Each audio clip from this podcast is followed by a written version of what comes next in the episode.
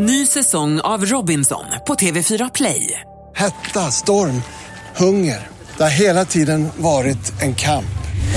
Nu är det blod och tårar. Fan händer just nu. Det. är Detta är inte okej. Robinson 2024, nu fucking kör vi! Streama söndag på TV4 Play. Energy. Hit music only. Welcome.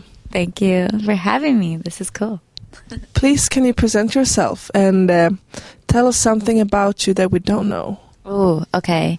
Uh, my name is Tori Kelly, and something that maybe you don't know, I hope you know, I have an album out, which is exciting. You probably know that though, huh? You knew that.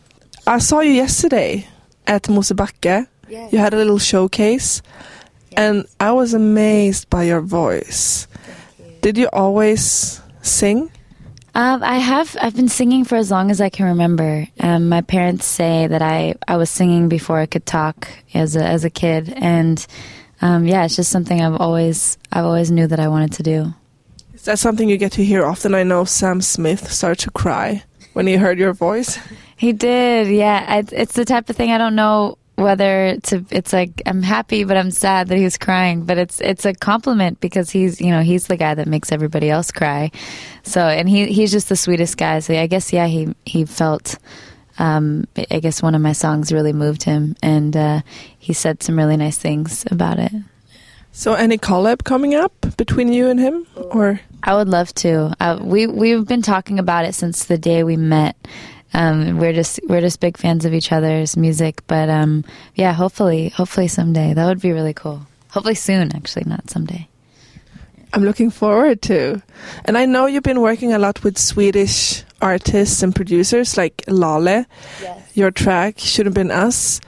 In in how was it to meet Laleh and work with her? It was it was really cool. You know, I didn't know that she was an artist at first, and um, and because she just uh, aside from you know doing her own stuff, she's an amazing songwriter, which I didn't I didn't know. So um, and we actually got to write another song together called City Dove on the album, which is one of my favorites. And she just she was really cool to work with because she her mind just goes she lets herself just go anywhere and there's no rules and she just she'll throw like the craziest thing out there for an idea and she's not afraid to get those looks of like are you are crazy right now but she's just she doesn't care which I loved I I love working with people like that Do you think? I've been actually thinking about being crazy and stuff. Do you think crazy is something like good for creativity? I mean, have you ever felt that okay, this is too crazy for me with your being an artist and all? It could be like performance or in a music way. Um, I think it's good. I mean, crazy can mean a, a lot of different things. I think it's definitely good to, especially on stage, to kind of let yourself go and not not um, worry about anything. But I think there's definitely a time as well to be smart and to really think. Sometimes, sometimes overthinking I think is is good to prepare yourself and know what you're getting into. Um, but there's definitely a balance because it it can get to the point where you're just being too hard on yourself and you have to just at one point just let it go. It was like that when I made the album too. There was a point where I was like, you know what, I just need to let this be in the world and not um, you know, not over produce it or you know do too much to it because I would have just held on to the album forever, you know, because I'm such a perfectionist. So I think there's definitely a balance. Yeah. So, I mean, being a perfectionist and all, when you get constructive feedback or when people hate, how is that to to deal with? Uh, it's. I think it's. Um, it can be hard sometimes, but at the end of the day, and if I know that what I am releasing uh, is that I'm proud of it and I'm happy with it, then it's it's really hard for for me to care about you know someone else's opinion on it. But but um, it kind of goes back to what I was saying. I think there's a balance of there's people's opinion who I really respect and I care about what they think, and um, and then sometimes you just have to be like, you know what, I really feel strongly that this is what I'm supposed to do. So, you know, bye to everyone else. yeah. Yeah, but that's good though to really believe in what you're doing, right? Yes, definitely. I mean, you've been following your dream and now you played here in Sweden for the first time yesterday mm-hmm. and I heard people were singing along. Yeah. But a lot. Yeah. And then, I mean, traveling the world and actually, you know, now you're, everyone knows your name. That must be crazy from having to sing as a baby and now you're just all over. Is that weird for you, like when you realize that? It's it's not weird. I think it's well, I, actually, it is a little weird. I think about it, but I think it's just because I've dreamed about doing this for so long. You know, since I was a kid, it's like what you dream of these things happening, but when it actually happens, you, it's like it still doesn't feel real. So I'm just trying to take each day at a time and um, and just really appreciate little moments too, because I, I I've heard so many times from you know different just just older people to not um, just to not let these moments slip away because I think it's like every day there's something new.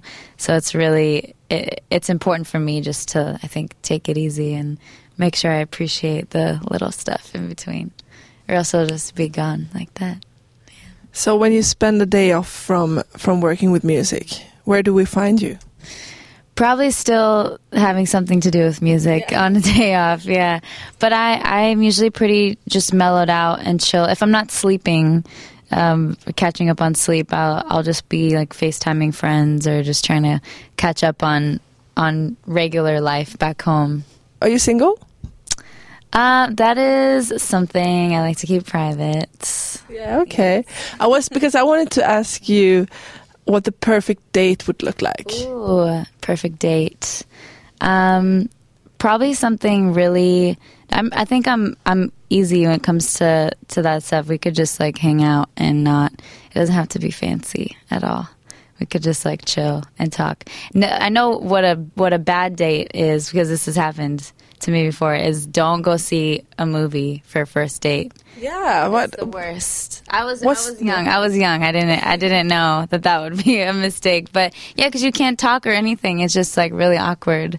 And yeah, and then you're just sitting there. Yeah, I've done that too. It's so weird. there, Yeah, don't- don't go on the movies on the first date. Yeah, make That's- it like it, it's good if it's kind of uncomfortable if you're out of your comfort zone. Just like go to a to I don't know McDonald's or something is better than a movie. What is your favorite song from your album? Ooh, that's so hard. I love all of them. Um, gosh, if I had to, had to, had to pick a favorite, I think I would say that it's either funny, my song "Funny" because it's the only live acoustic song on the album, or um, I think just "Unbreakable Smile" just really tells a- a really big part of my life and my story, and I think that's that would be the first song I'd want somebody to hear off the album. And you're gonna perform now. yes. What song are you gonna sing for us? I'm gonna do my current single "Should Have Been Us." I love that yesterday. People sang along too. I was singing along even. you should. Yeah. sing along today. Yeah, but you know, with my voice, You should do it. I'm not a singer. Voice. Yeah, you should do it. I'm good at karaoke. Did I tell you that? No, I'm just kidding. No, I'm not. Thank you so much. Thank you so much. Thank you for having me.